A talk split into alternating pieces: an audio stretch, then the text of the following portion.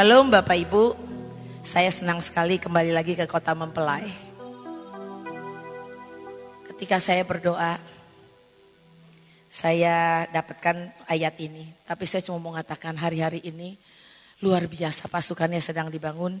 Saya baru pulang dari uh, Eropa, ya, bis dari Eropa.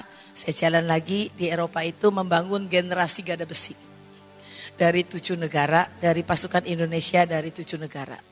Dan saya melihat kehausan dan benar-benar ingin mengenal Tuhan lebih lagi dan ingin mengejar di dalam tiga menit, tiga menit ke depan.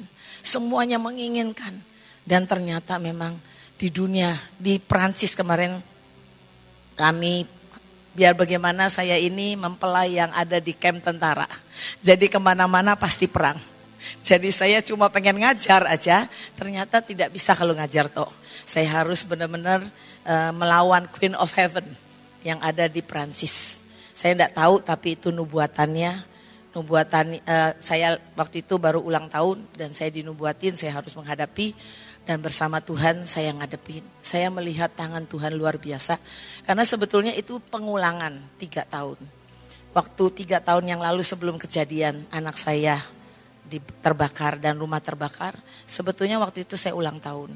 Saya dinubuatin bahwa saya ada du, dua orang menubuatin bahwa saya akan melewati pintu kecil, dua pintu kecil. Tapi kalau saya bisa lewatin dengan hineni dan uh, dengan pedang roh, dengan firman ya, saya akan lulus dan saya akan masuk ruang keintiman yang lebih lagi. Dan waktu itu saya tidak tahu dan saya pergi ke uh, Rusia waktu itu. Dan yang kemarin ulang tahun lagi setelah tiga tahun, sebetulnya baru aja tiga tahun. Dan sama bulan Aprilnya saya harus ke Eropa. Tapi Tuhan bilang kali ini engkau tuntaskan semuanya. Dan kami pergi dua hari, pergi beresin ternyata di Perancis itu mengerikan. Freemasonnya sudah sangat terang-terangan. Mereka ada sebuah kantor Freemason. Freemason itu bilang Freemason kantor Freemason dan mereka bilang di dalamnya itu ada museum Freemason, sejarahnya semua dan ada altarnya. Tapi kami lihat benar-benar Tuhan itu yang membantu menyelesaikannya dan hari-hari ini memang hari-hari di mana kita menghadapi Yobel besar, tapi juga iblisnya juga tidak tinggal diam dan ada perang besar tapi Tuhan janjikan kemenangan ada di tangan kita. Dan kita lihat kita akan masuk kabut juga kemuliaan Tuhan bersamaan dengan Yobel besar. Mari kita baca dua raja-raja 7 ayat 1 sampai 20. Kita akan baca bersaut-sautan.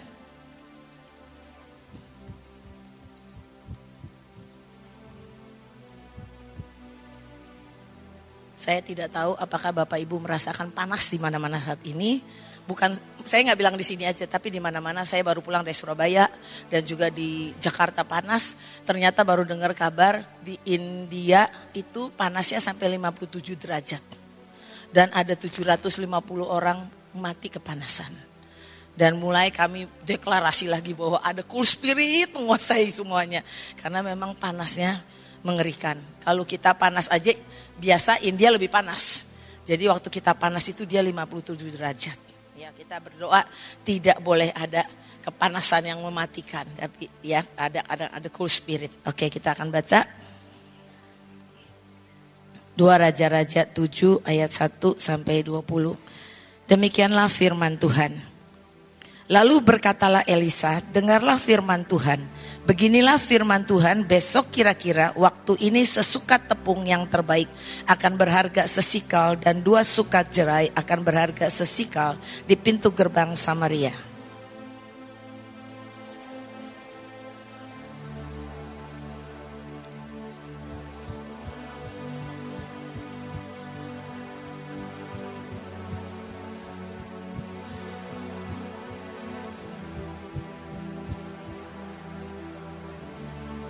Empat orang yang sakit kusta ada di depan pintu gerbang. Berkatalah yang seorang kepada yang lain, "Mengapakah kita duduk-duduk di sini sampai mati?"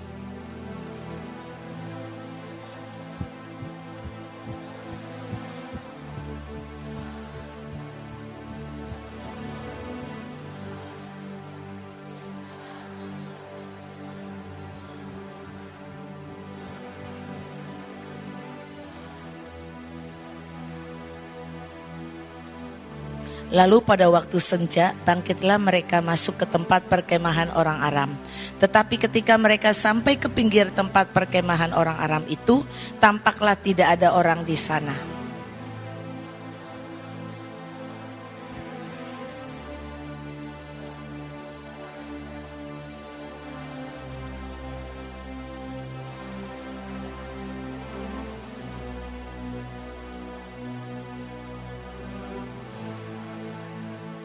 Karena itu bangkitlah mereka melarikan diri pada waktu senja dengan meninggalkan kemah dan kuda dan keledai mereka serta tempat perkemahan itu dengan begitu saja. Mereka melarikan diri menyelamatkan nyawanya.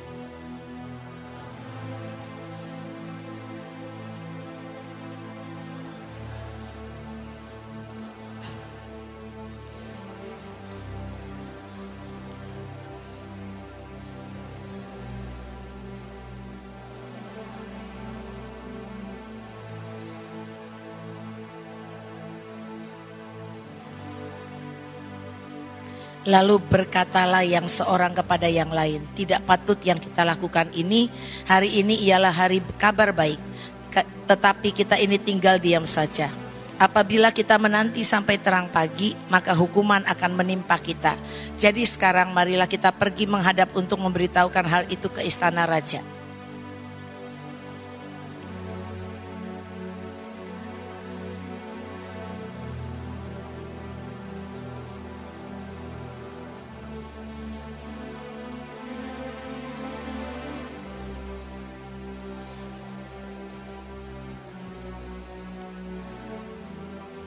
Para penunggu pintu gerbang menyerukan dan memberitahukan hal itu ke istana raja.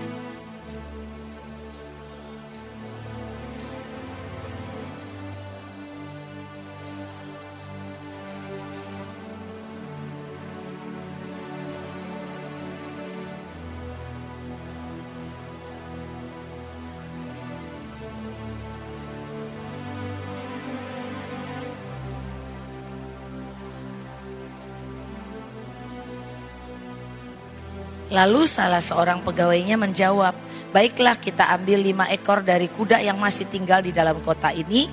Tentulah keadaannya seperti seluruh halayak ramai Israel yang sudah habis mati itu. Biarlah kita suruh saja orang pergi supaya kita lihat.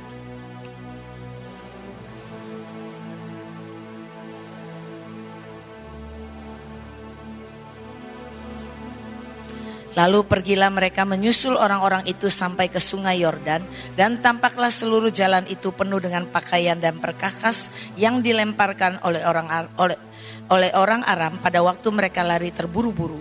Kemudian pulanglah suruhan-suruhan itu dan menceritakan hal itu kepada raja.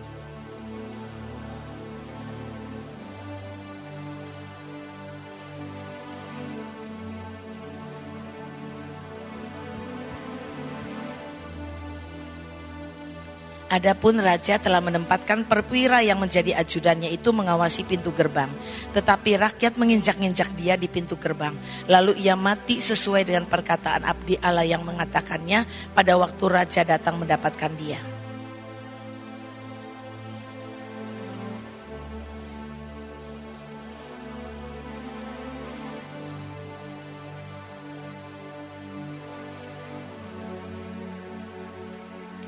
Pada waktu itu, si perwira menjawab abdi Allah itu, sekalipun Tuhan membuat tingkap-tingkap di langit, masakan hal ini mungkin terjadi.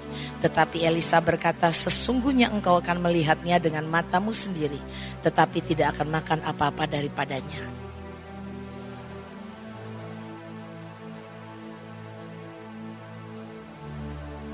Amin, demikianlah firman Tuhan. Waktu saya baca firman ini, yang pertama dikatakan bahwa Elisa bernubuat. Elisa bernubuat bahwa besok kira-kira waktu ini sesukat tepung yang terbaik akan berharga sesikal dan dua sukat jelai akan berharga sesikal di pintu gerbang Samaria. Itu harganya artinya harganya banting, terba, banting banget, jadi murah banget. Tapi ada tiga macam anak Tuhan.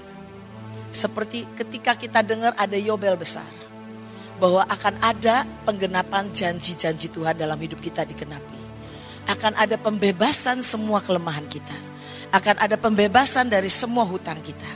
Dan akan ada perpindahan harta-harta orang fasik kepada kita. Terlalu banyak janji yang kita tahu. Tapi kadang-kadang kita coba lihat ada tiga macam orang. Yang pertama, yang perwira raja ini. Ayat 2 mengatakan, tetapi perwira yang menjadi ajudan raja menjawab abdi Allah katanya, sekalipun Tuhan membuat tingkap-tingkap di langit, masakan hal itu mungkin terjadi? Jawab abdi Allah itu, sesungguhnya engkau akan melihatnya dengan matamu sendiri, tetapi tidak akan makan apa-apa daripadanya. Saya kalau lihat ini, ini orang pertama yang tidak percaya. Dan saya tahu pasti perwira ini bukan orang yang tadinya tidak percaya. Tapi orang yang percaya. Tuhan katakan, kadang-kadang lagi awal-awal kita pertama jumpa Tuhan, ada kasih mula-mula. Kita begitu lihat pengharapan bahwa Tuhan sudah mengampuni dosa kita. Bahwa kita ini pasti ada janji-janji Tuhan. Biasanya kan kalau baru bertobat tuh doa apa dapat, doa apa dapat, betul gak? Seru kayaknya. Doa oh, ini kayaknya bersaksi terus, betul gak? Aduh Tuhan tuh luar biasa ya. Saya ya minta hujan gak ada, hujannya gak ada ya.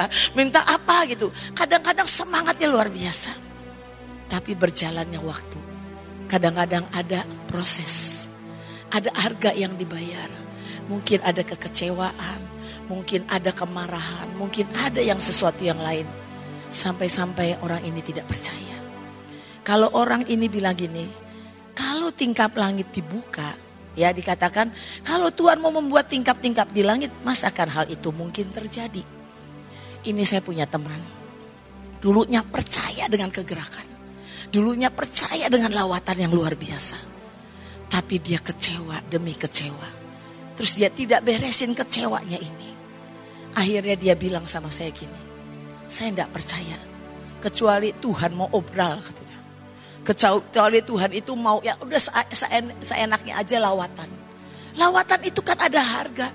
Masa sih gampang sekarang hanya membawa orang untuk terima jalan kebenaran dan hidup. Terus dia akan selamat. Nggak usah masuk gereja jadi akhirnya dia kecewa. Saya bilang, ayo Tuhan itu punya cara yang macam-macam. Ayo percaya lawatan itu terjadi, pasti. Tapi kalau kita ini tidak beresin hati kita. Lama-lama kita tidak percaya. Saya baru aja sedih. Tiga minggu yang lalu saya dengar seorang teman kami. Yang sudah masuk dalam kegerakan di Batra. Yang sudah ikut beberapa kali.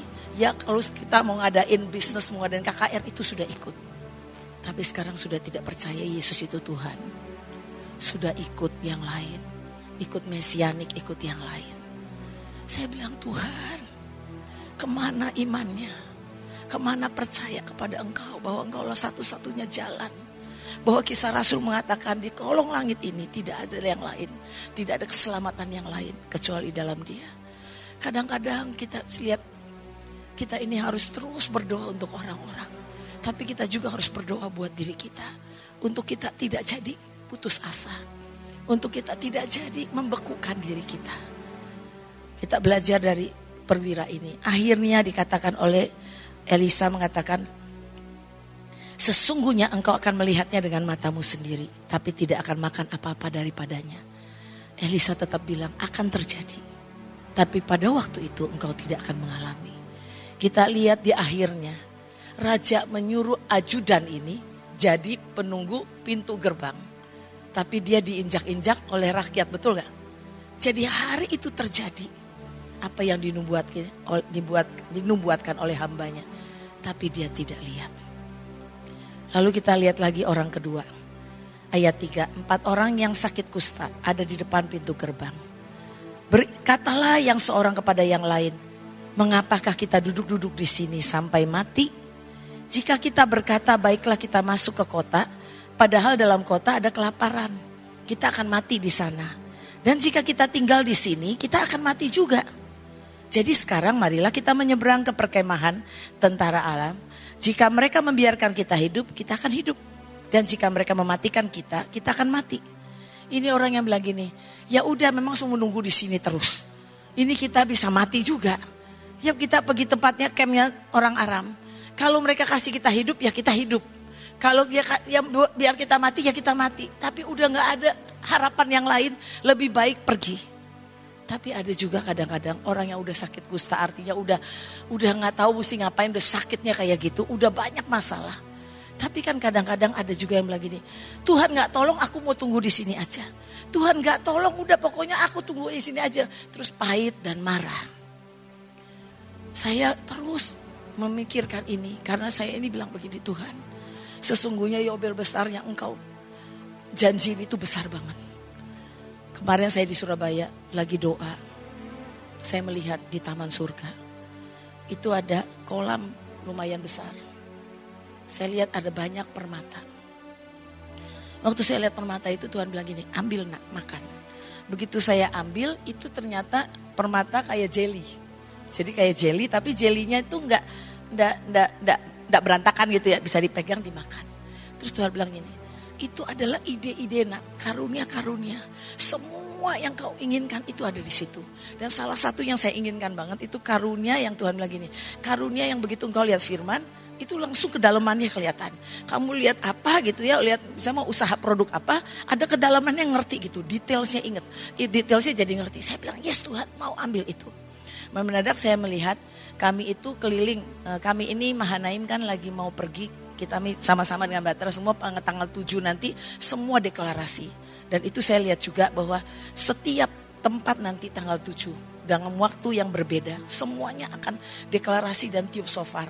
Sofarnya kalau nggak ada udah di sudah direkamin sofar satu menit itu dan saya melihat itu seperti membuat membuat sebuah batra besar dan itu Tuhan akan lakukan mujizatnya.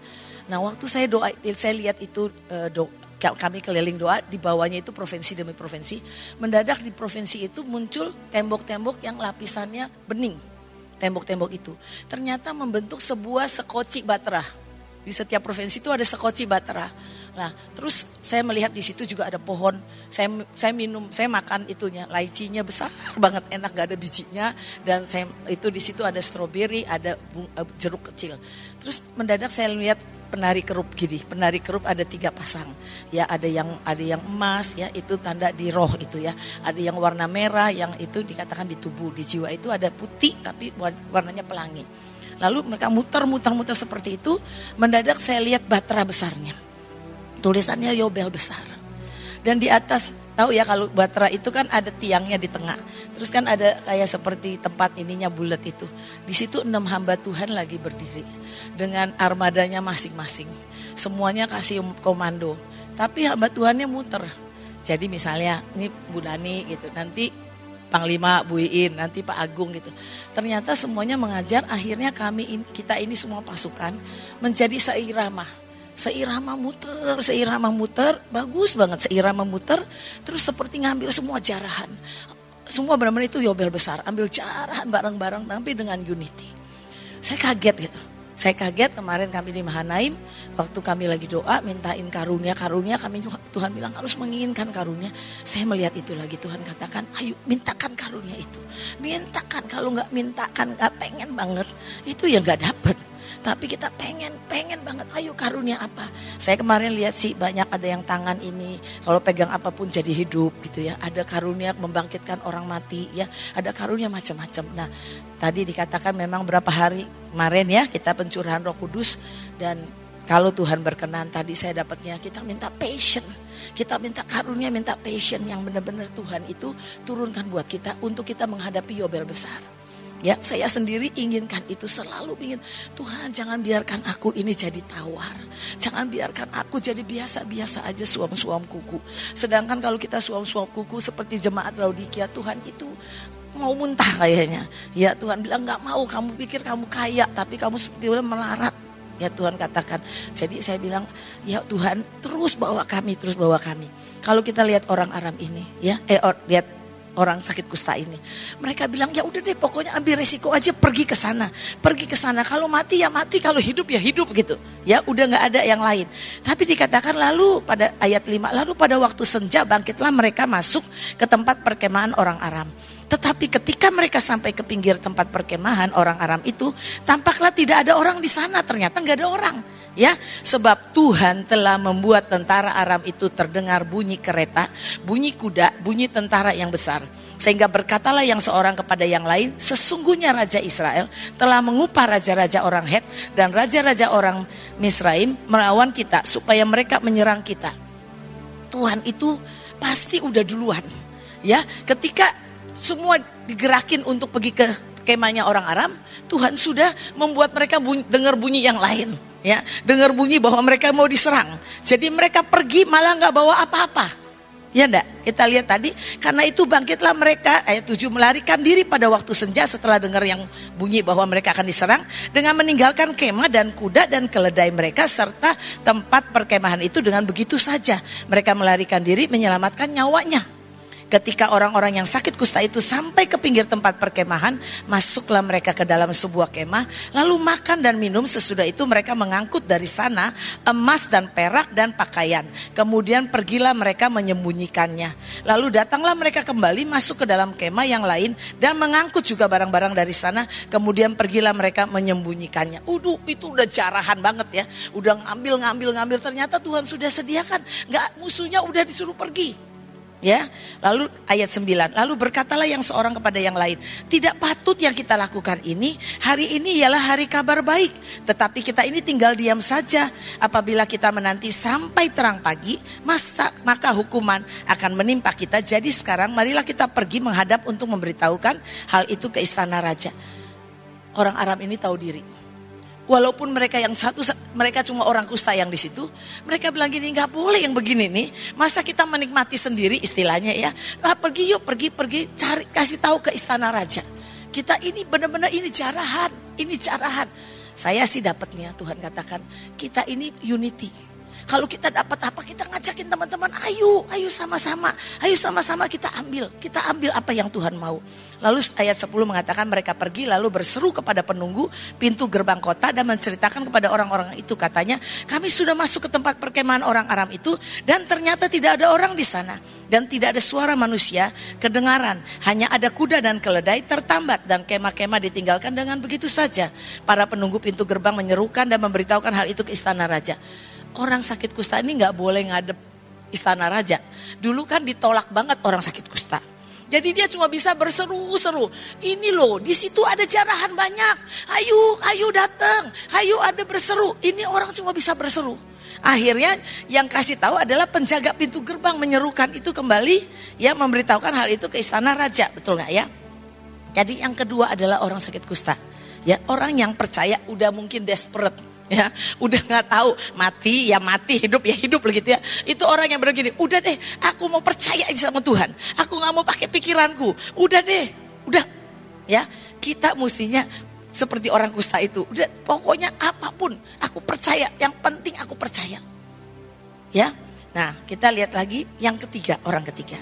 Sekalipun masih masih malam, raja bangun juga. Lalu berkata kepada para pegawainya, "Baiklah kuterangkan kepadamu apa maksud orang Aram itu terhadap kita. Mereka tahu bahwa kita ini menderita kelaparan. Sebab itu mereka keluar dari tempat perkemahan untuk menyembunyikan diri di padang sambil berpikir, apabila orang Israel keluar dari dalam kota, kita akan menangkap mereka hidup-hidup. Kemudian kita masuk ke dalam kota." Ini raja adalah orang ketiga yang percaya sih tapi curiga agak curiga. Udah percaya tapi curiga katanya gini. Jangan pikir loh katanya. Orang Arab itu pinter. Karena kita kelaparan, mereka mau jebak kita. Ini eh, rada curiga ya. Lalu katanya di ayat 13. Lalu salah seorang pegawainya menjawab, baiklah kita ambil lima ekor dari kuda yang masih tinggal di dalam kota ini. Tentulah keadaannya seperti seluruh kalayak lamai Israel yang sudah habis mati itu.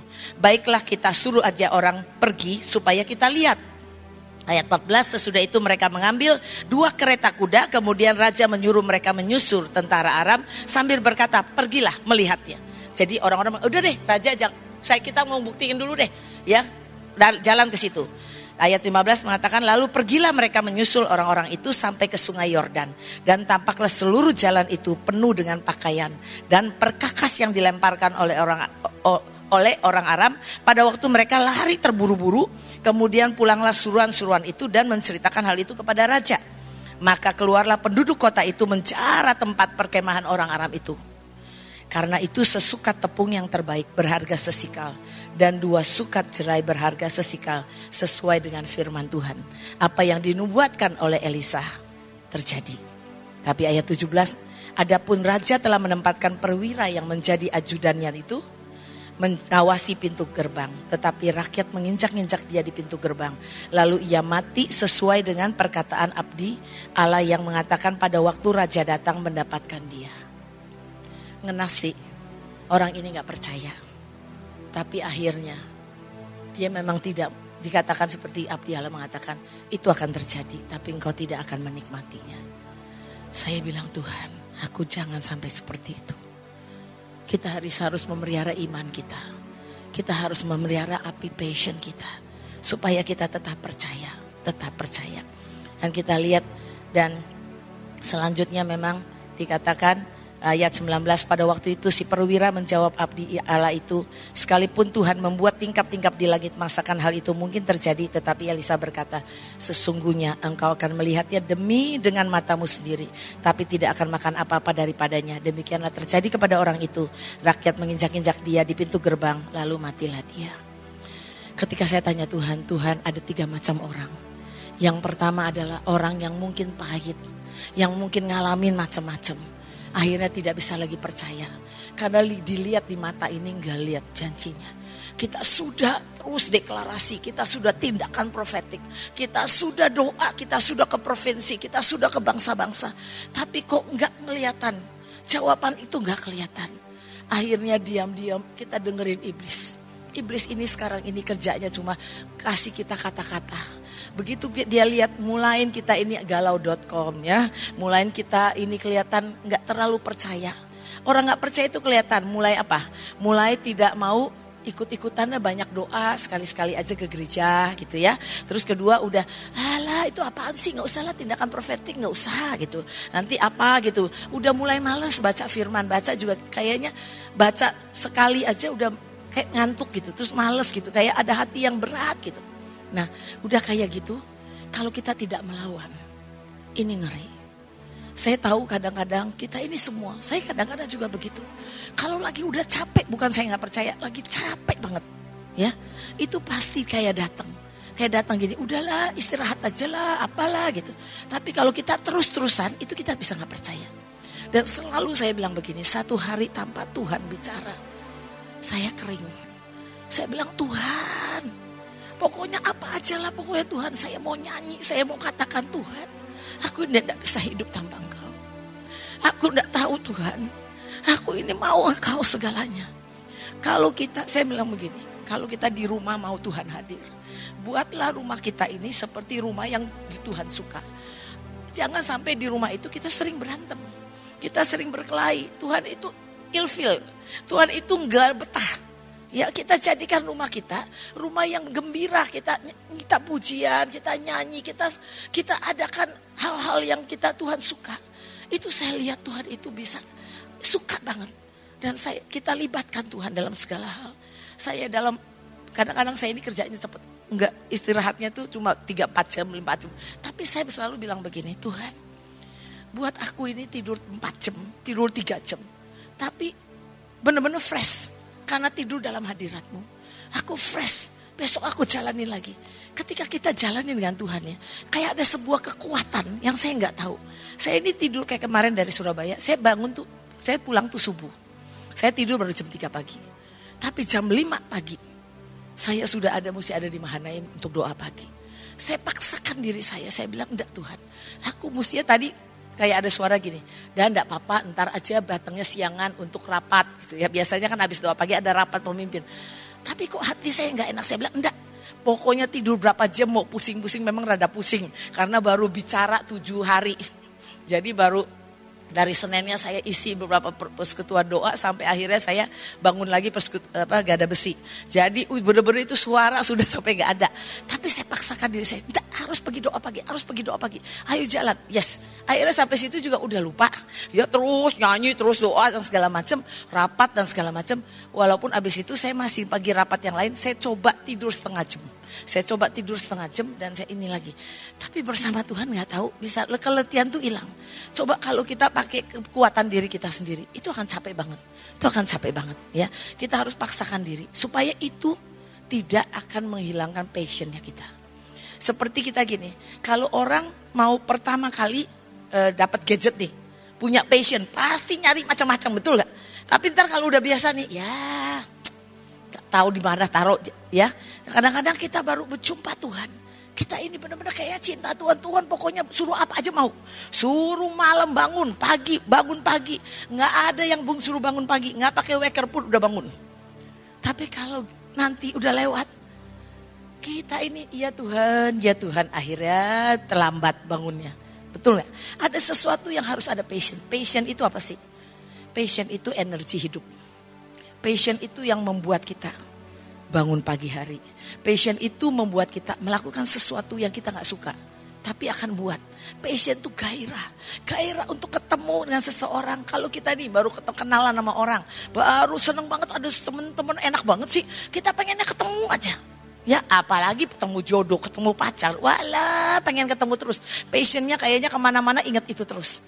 Kalau coba siapa yang baru main gitar Pertama kali bisa main gitar, kayaknya bulak balik sampai kepalan tuh masih masih main gitar, betul nggak? Terus ya, apalagi misalnya misalnya menari, wah kayaknya di depan kaca, kaca tidak boleh terlewati tanpa dia nari, ya. Rasanya kalau passionnya lagi kayak begitu, itu akan membuat hidup itu sangat hidup.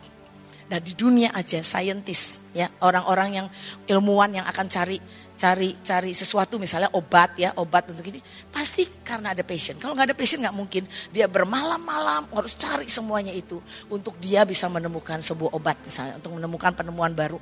Jadi kita ini butuh passion itu kayak ngecharge di sini Ya, kita butuh dan passion itu datang dengan kita bergaul dengan Tuhan. Dengan kita bicarakan dan passion dan iman itu berjalan bersamaan. Iman timbul karena pendengaran akan firman Tuhan. Dan ketika kita melakukan, kita lewatin, kita akan benar-benar passion. Di antaranya saya melihat begini. Kalau kita sudah kurang passion, cari jiwa. Kita cari jiwa, pokoknya beritakan firman aja ya. Keluar dari toko, lihat ada orang miskin atau lihat siapa aja, coba deh Bu mau didoain nggak? Nanti kita doain, dia nangis, dia pulih, pasti passionnya nyala. Ya, pasti lihat lagi gitu. Apa pokoknya doain orang aja. Pokoknya kan Tuhan bilang gini, berilah maka engkau akan diberi. Jadi kalau saya nomor satu adalah kalau begitu passion saya nggak ada, saya teriak-teriak, terus saya cari orang. Udah supaya saya ini menjadi berkat. Saya cerita, saya bersaksi, itu seperti itu. Tapi saya lihat passion itu Jangan dibiarkan hilang begitu saja. Nanti udah cari lagi gitu. Itu dirawat terus. Dirawat terus. Ya, karena kita ini satu hal yang saya lihat passion itu bisa terus jalan adalah kita harus seimbang dalam hidup. Seimbang kerja, seimbang pelayanan, tapi juga ada waktu buat Tuhan. Kalau kita di dalam agenda kita, saya ngajarin ya ada besi yang buat agenda, saya itu pasti lihat, saya udah punya waktu gak buat Tuhan saya ada setengah hari buat Tuhan. Saya ada di antara seminggu itu saya ada buat Tuhan. Karena di situlah saya di charge, saya direndam lagi. Ya ini mempelai soalnya jadi bisa ngerti kata direndam.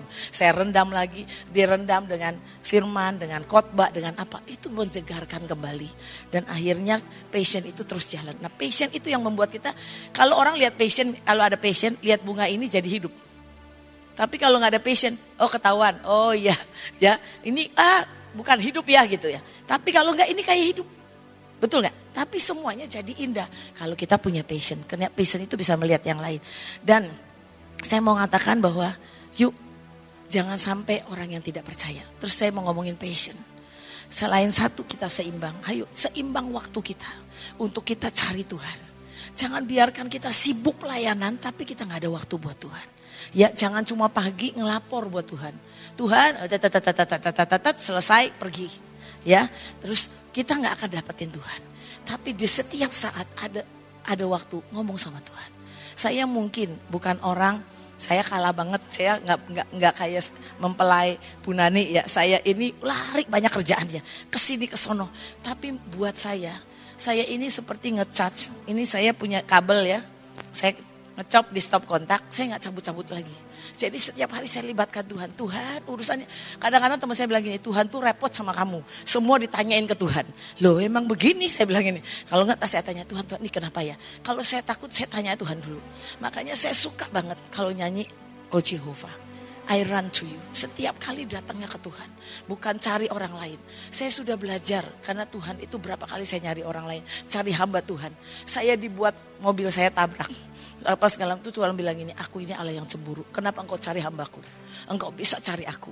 Jadi sejak itu saya ini nyari Tuhan dulu. Baru saya boleh sharing orang dengan orang lain. Kalau enggak Tuhan itu marah sama saya. Jadi saya kadang-kadang kita kan biasa. Enaknya tuh kan cari temen gitu ya. Cari ibu rohani, cari kakak rohani, cari ini. Kayaknya dapat jawaban gitu. Tapi saya tidak boleh sama Tuhan. Jadi saya ini mesti nyari Tuhan dulu baru boleh sharing. Dan itu saya jadikan kebiasaan. Passion itu seimbang. Pertama, supaya kita tidak kehilangan passion. Buat hidup kita seimbang. Untuk cari Tuhan. Dan juga melakukan pekerjaan dan pelayanan. Yang kedua. Yang kedua, selain itu ya kita coba kita passion kita itu jangan sampai ya, jangan sampai kita tidak Oke, yang kedua, kalau kita ada dosa, yuk kita selidiki tiap hari. Mungkin dosa kecil, dosa besar. Kadang-kadang ada ketidaktaatan kita, sehingga kita tidak dengar suara Tuhan. Yuk mari kita selalu tiap hari katakan Tuhan, selidiki aku, selidiki aku. Kadang-kadang banyak orang tidak sadar dan kayaknya dosa kecil, bohong, ya, tidak tidak ikutin apa yang Tuhan katakan. Sekarang ini sepertinya nih Tuhan ini pengen banget semua dapat berkat. Teman uh, anak buah saya di kebaktian aja loh, Tuhan cuma ngomong gini. Basuh kaki orang itu, karena waktu itu lagi ada pembasuhan, semua basuh kaki nih. Terus dia disuruh basuh basuh yang satu gitu pemimpin itu. Ah, ndak enak tuh Tuhan, sungkan. Ndaklah Tuhan, e, bukan aku kali gitu. Ternyata dia masuk ke kamar mandi jatuh. Dia bilang Tuhan kok cepet banget sih. Tuhan bilang aku mau engkau taat. Aku mau engkau taat. Cuma hal itu kecil. Tapi kalau dia nggak tahu kan akhirnya lewat gitu karena nggak taat. Jadi dia bilang gini, aduh aku nggak berani lagi lah kalau Tuhan itu hari-hari ini suruh apa, aku mau taat supaya aku tetap peka dengar suara Tuhan. Kalau nggak aku nggak dengar. Ada sekali lagi teman ada anak buah yang bilang gini, kenapa ya? Aku nih nggak dengar suara Tuhan. Biasanya aku dengar pagi hari, malam hari Tuhan bicara. Kenapa aku nggak dengar? Saya doain, saya bilang gini. Sebetulnya apa yang kamu tidak mau lakukan yang Tuhan suruh? Hehe, iya. Suruh datengin mertua. Aku ndak mau katanya. Jadi Tuhan itu diem, nggak ngomong. Jadi akhirnya nggak kedenger. Nah itu kayak kurang kehilangan passion karena dia udah begini kayaknya aku kok datar-datar aja ya. Aku nggak rasa apa-apa. Ayo mulai ngecek, mulai ngecek, mulai ngecek. Kalau begitu kita rasanya datar, kita ngecek sama Tuhan. Ada apa Tuhan? Lebih baik aku jatuh di tanganmu daripada jatuh di tangan manusia. Lebih baik engkau tegur aku. Ya. Yang ketiga adalah kalau kita ada konflik dengan seseorang yang tidak selesai. Nah itu kita harus beresin. Karena itu menggerogoti passion. Coba kalau lagi marah sama seseorang ini rasanya penuh marah, terus rasanya doa nggak bisa, betul nggak? Doa nggak bisa, kayaknya baca firman kayak nggak nggak fokus dan semuanya. Itu konflik itu kadang-kadang apa? Kalau konflik sama orang jauh mungkin nggak terlalu terasa. Konflik dengan orang deket itu rasanya di sini terus ngeganjel dan itu kita kehilangan energi. Ya, jangan sampai konflik itu membuat kita jadi lemes ya. Nah, terus, uh, nah yang keempat adalah tujuan yang tidak jelas. Kalau ada orang kan begini, kalau kita mau bangun pagi karena kita tujuannya tahu kita mau mencintai Tuhan. Kita mau ketemu Tuhan pagi hari, awal pagi hari kita mau ketemu Tuhan. Kita tahu di pagi hari telinga rohani kita dipertajam. Ada sebuah tujuan kita bangun pagi hari. Tapi kalau udah mulai begini, ngapain sih bangun pagi hari, nggak ada apa-apa juga, nggak rasa apa-apa juga, udahlah nggak usah lah. Pasti percaya kalau kita nggak tahu tujuannya, kita tidak akan melakukan itu. Nah kita di tujuan Tuhan, kita punya destiny. Ya, kita punya panggilan. Kalau kita tahu bahwa kalau kita bangun pagi hari, ya Tuhan suka. Dan kita lakukan apa yang Tuhan suka. Saya tidak tahu Bapak Ibu, saya ini suka begini. Saya ini orangnya kerja, orangnya cepat dan orangnya kerja. Saya dulu waktu tinggal belum di Bekasi. Saya kalau ke Bekasi itu dari pagi ya dari doa pagi sampai pulang tuh jam 9. Saya sudah atur janji saya dengan semua divisi-divisi yang di bawah saya. Saya akan ketemuin tiap itu dua jam, dua jam, dua jam. Biasanya jam 9 saya tuh udah low bed. Begitu setengah 9 saya sampainya di rumah yatim piatu. Karena di situ ada ranjang. Terakhir saya ngobrol, saya bilang gini kadang-kadang, aduh udah lobet nih dari pagi, bener-bener lobet saya bilang gitu. Terus ya udah saya dengerin, saya dengerin, paling saya denger dengerin, saya doain, saya pelukin, udah saya pulang. Saya udah lopet juga, udah ngantuk-ngantuk. Sering banget tapi di tengah di mobil jalan pulang. Tuhan tuh tersenyum. Tuhan bilang ini, thank you ya. Karena engkau itu tidak usah ada yang lihat. Engkau mengatur segalanya dan engkau kerja. Orang lain gak lihat nak, tapi aku lihat. Aku suka itu.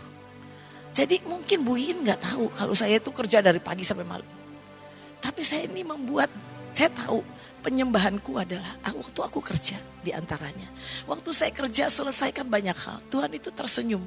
Dan tersenyumnya dengan bangga. Dan kalau lihat Tuhan tersenyum dengan matanya itu begitu kagum gitu. Saya kayak kayak saya hilang. Saya bilang Tuhan terima kasih. Karena I have finished. I have finished strong dengan semua yang kau mau. Kemarin aja saya ke Eropa. Setelah kelas gada besi, di Perancis, saya kembali ke Belanda.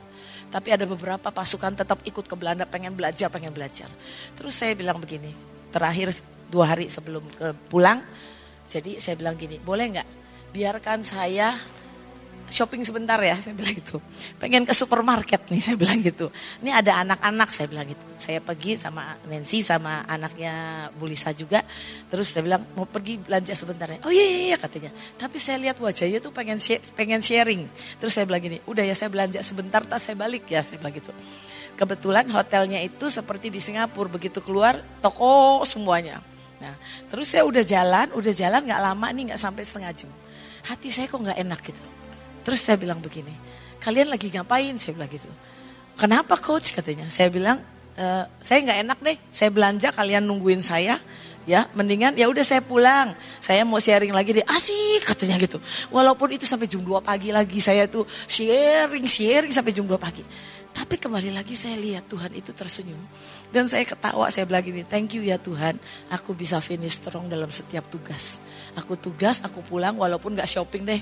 Tuh anak-anak yang shopping udah seadanya aja yang dibeliin, saya cuma seadanya. Tapi kayaknya di sini tuh puas banget. Sampai rasanya pulang walaupun capek. Saya ini punya passion yang aduh gak tahu saya bilang gini, Tuhan thank you ya. Thank you saya melihat juga pasukannya semangat banget. Wah terus ya semangat banget. Saya bilang Tuhan terima kasih. Kadang-kadang kita harus tahu apa yang Tuhan suka dari kita. Mungkin penari, ada waktu-waktu Tuhan suka engkau nari pagi hari pakai baju yang terbaik. Pakai baju tarianmu yang terbaik engkau hadap Tuhan. Dan engkau nari, engkau nari. Itu menyukakan Tuhan. Dan passionmu akan terus nyala. Mungkin pemusik. Engkau main musik ketika hari-hari engkau tahu. Engkau mau sendiri dengan Tuhan. Mungkin kita bukan pemusik, bukan penari. Kita ada saat-saatnya kita nyembah sendiri saya ini nyanyinya lagunya, eh suaranya nggak terlalu bagus, tapi saya nyanyi buat Tuhan. Dan saya bukan penari, saya penari buat Tuhan. Ya, saya menari di kamar. Orang kadang-kadang saya siapin firman aja, saya belum masih masih nggak ngerti apa apa Tuhan ini mau apa. Saya nari dulu. Kebetulan kamar saya tuh punya punya ruangan lah, saya nari dulu, saya bawa kecapi, saya gini-gini punya kecapi, ya, punya apa saya bawa dia nari. Begitu saya nari mendadak hikmatnya turun. Terus saya bilang, oke, okay, terima kasih Tuhan. Saya duduk lagi di meja saya, saya duduk, saya nyatet apa yang itu Tuhan mau. Dan itu yang membuat saya mengerti passion itu saya tidak mau hilang, saya tidak mau hilang. Jadi itu harus dirawat. Ya, kalau kita tahu di Mazmur 127 aja kita kenapa kita mesti seimbang kerja dan ini? Kan Tuhan katakan waktu tidur aja kita diberkati betul nggak? Ya kita tahu bahwa kita kerja harus nggak? Harus. Tapi Tuhan katakan jangan terlalu khawatir dengan itu semua tapi engkau akan diberkati waktu engkau tidur. Tapi sukakan aku. Nah yang saya lihat adalah kalau kita tidak percaya kita tidak akan bisa masuk lihat Yobel besar. Jangan sampai kita ini seperti perwira itu. Yang mungkin awalnya percaya, tapi jadi tidak percaya karena dia tidak menjaga passionnya, tidak menjaga passionnya. Yang kedua, ya saya istilahnya adalah si yang raja dulu deh. Raja percaya tapi ragu-ragu, masih mending sih. Tapi asal jangan ragu-ragunya diterusin, percaya. Mesti lihat bukti dulu baru ini. Itu agak susah. Lebih baik begini, saya suka ngomong begini. Sekalipun tidak ada dasar untuk berharap, aku tetap percaya bahwa endingnya pasti selesai. Dan sering aku, saya kalau lagi lewatin masa yang nggak enak saya suka ngomong begini. Sa saya ini bintang film Allah karena dulu saya sering dengerin pokoknya kalau saya dengerin Pak Yusak khotbah atau saya dengerin khotbahnya ya, saya selalu beliau kan dulu sering ngomong gitu. Kita bintang film Allah, sutradaranya adalah Tuhan Yesus dan saya ngomongin jiwa saya. Irin, Irin, engkau bintang film Allah. Ya kalau sutradaranya Tuhan Yesus suruh ke kanan, ke kanan, jangan ke kiri. Nanti ending skenario nya lah ya beda. Kan skenario nya skrip eh, apa harus ke kanan. Kalau kau ke kiri nanti rada repot. Udah ke kanan, ke kanan gitu. Jadi saya sering ngomongin di jiwa saya. Saya cuma bilang gini, ayo ikutin Tuhan. Percaya dengan Tuhan. Ya, kalau saya selalu mengatakan ucapkan syukur. Ada kuasa di dalam ucapan syukur. Yang kedua, trust him. Kan ada lagunya. If you can see his plan, trust his heart. Kalau kita nggak bisa lihat rencana dia, percaya padanya. Cuma katakan Tuhan aku percaya. Sekalipun aku belum lihat buktinya, aku percaya. Aku percaya. Sesungguhnya Bapak Ibu, kita ini mesti memang semua mesti ngalamin. Saya makin hari makin percaya. Kemarin setelah tiga tahun 5 Mei, tiga tahun kejadiannya. Waktu kemarin saya juga ada di sini pas ulang tahun eh, hambanya. Itu kejadian tiga tahun yang lalu saya juga di situ. saya bilang gini Tuhan kok ada ya. Saya juga duduk di situ. Waktu itu kan habis kejadian saya datang sini dan saya uh, apa ikutin ya, saya bersaksi dan saya lihat Tuhan itu luar biasa. Kita ini kan sedang mengangkat perjanjian demi perjanjian ya. Dan Tuhan ngomong sama saya begini, nak waktu engkau lewatin yang tiga tahun itu, sesungguhnya engkau dapat tiga perjanjian. Yang pertama engkau tidak menyayangkan nyawa anakmu. Bahkan engkau tidak menyayangkan barang-barang 97% yang hilang itu engkau tidak menyayangkan. Engkau dapat perjanjian darah nak. Jadi engkau sudah isi cawan itu. Setiap kali engkau angkat perjanjian darah pada waktu yang tepat seperti yang ku minta. Iblis akan mundur karena ada perjanjian darah yang sudah engkau isi. Yang kedua Tuhan katakan gini, waktu di rumah duka kan, saya waktu salah satu ibadah saya disuruh ngang doa, suruh berdoa. Waktu saya berdoa saya lihat Tuhan dan saya lihat Abraham menyerahkan Ishak dan waktu itu Tuhan katakan kembali nak di, sem, di di semua di di semua saksi ada di, di di hadapan semua saksi dan di hadapanku kembali engkau nyerahkan anakmu. Saya yang jerit waktu itu saya lihat saya lagi tersungkur. Saya tersungkur langsung saya bilang gini, Tuhan di hadapan semuanya dan di hadapanmu Tuhan. Aku kembali menyerahkan Yohanes Riki ke dalam tanganmu. Aku percaya Tuhan, dia sudah Tuhan kembali kepadamu dipersembahkan. Dan aku percaya dia sudah bayar lunas satu hari ini.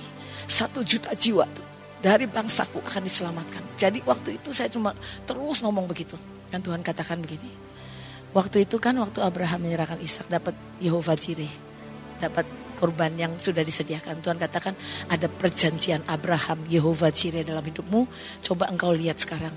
Sudah kembali belum semua yang diambil dan hilang dan sekarang kembali. Sesungguhnya kembali tuh Bapak Ibu, itu barang saya udah penuh banget di rumah.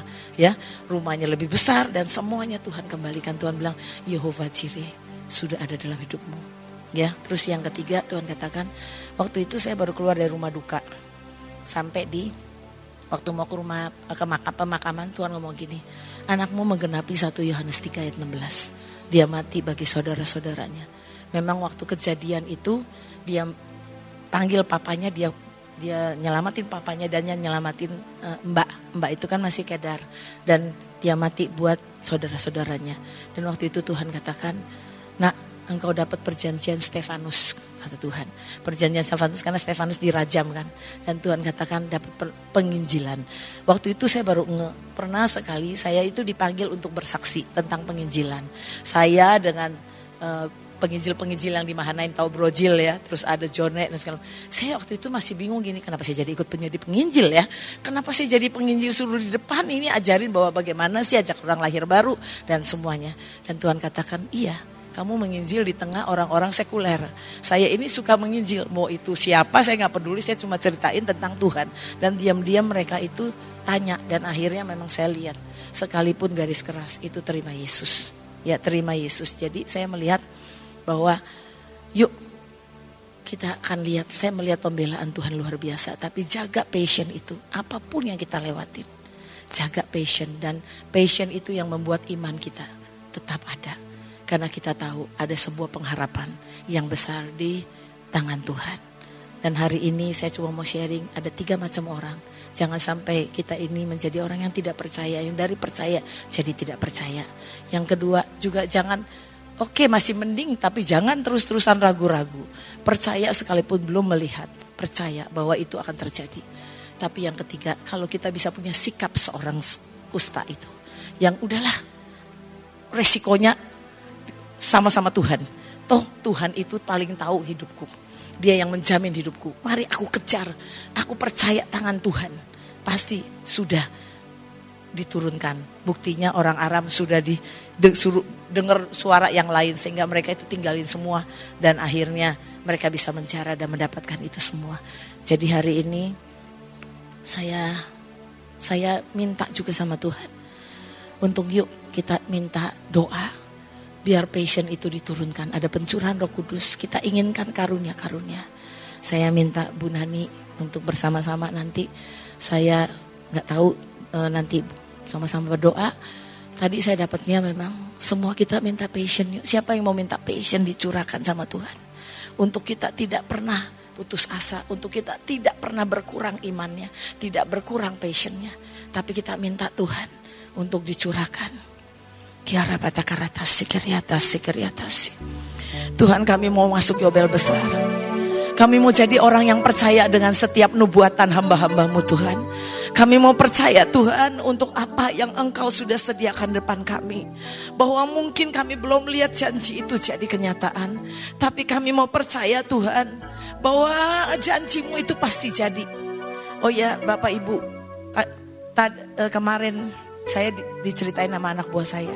Anaknya masih kecil, itu sudah empat kali dibawa ke surga.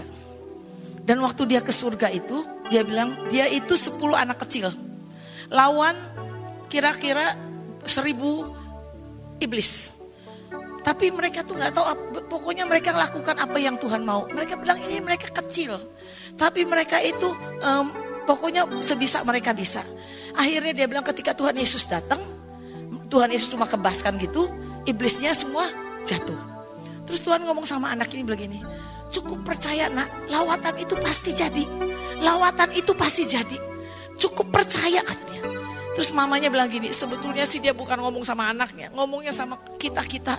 Kita ini kadang-kadang suka percaya nggak percaya. Rasanya apakah bisa terjadi lawatan? Apakah engkau bisa percaya Sion ini akan seluruhnya tanpa diinjilin? Mereka akan cari Tuhan. Mereka yang garang dan sombong akan berjumpa dengan Tuhan. Dan apakah kita percaya bahwa di Sion ini, saya pernah lihat penglihatan itu, bahwa nanti di bangsa kita. Orang datang tuh minta-minta didoakan, bawa kita ke dalam rumahnya, doakan orang sakit tersembuh. Dan pernah lihat itu, saya pernah lihat itu. Itu saya lihat 22 tahun yang lalu mungkin ketika saya baru mulai ngejoin-join Mahanaim 20 23 tahun yang lalu. Saya pernah lihat penglihatan itu. Dan saya bilang Tuhan aku percaya tanpa tanpa diinjili mereka akan akan benar-benar berjumpa dengan Tuhan. Karena seperti yang apa yang beberapa orang puluhan orang itu datang ke Mahanaim. Mereka bilang mereka itu tahu waktu itu kami ada bekasi berbagi bahagia. Dan mereka tidak diinjili setelah itu mereka ketemu Tuhan sendiri. Mereka mimpi mereka ketemu Tuhan sendiri. Dan mereka mulai datang ke tempat kami. Dan saya percaya ayo kita minta passion untuk terus percaya bahwa Tuhan. Aku percaya engkau menjanjikan yang besar buat aku. Aku percaya Tuhan di sini akan penuh banget. Ini akan penuh banget. Setiap tempat orang-orang akan datang mencintai Tuhan. Mereka akan benar-benar dilawat Tuhan.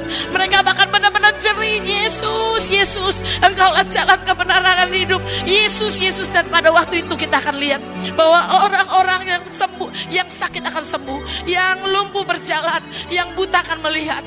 Dan kita akan lihat kebangkitan orang-orang mati. Kita akan lihat mari percaya saya pun mau percaya. Mari kita percaya. Kita minta passion itu jangan pernah berkurang. Passion itu akan terus ada di sini. Apa pun yang kita lakukan kita katakan Tuhan jangan pernah membiarkan aku ini live without your passion jangan biarkan aku hidup tanpa passionmu aku akan tetap terus aku akan tetap terus mengikuti engkau dengan gairah seperti aku jatuh cinta pertama kali dengan engkau aku mau passion itu Tuhan aku mau passion itu Tuhan biar hari ini kita minta itu turun pada kita kira batas sekiri atas kira bara bara bara ya sekiri atas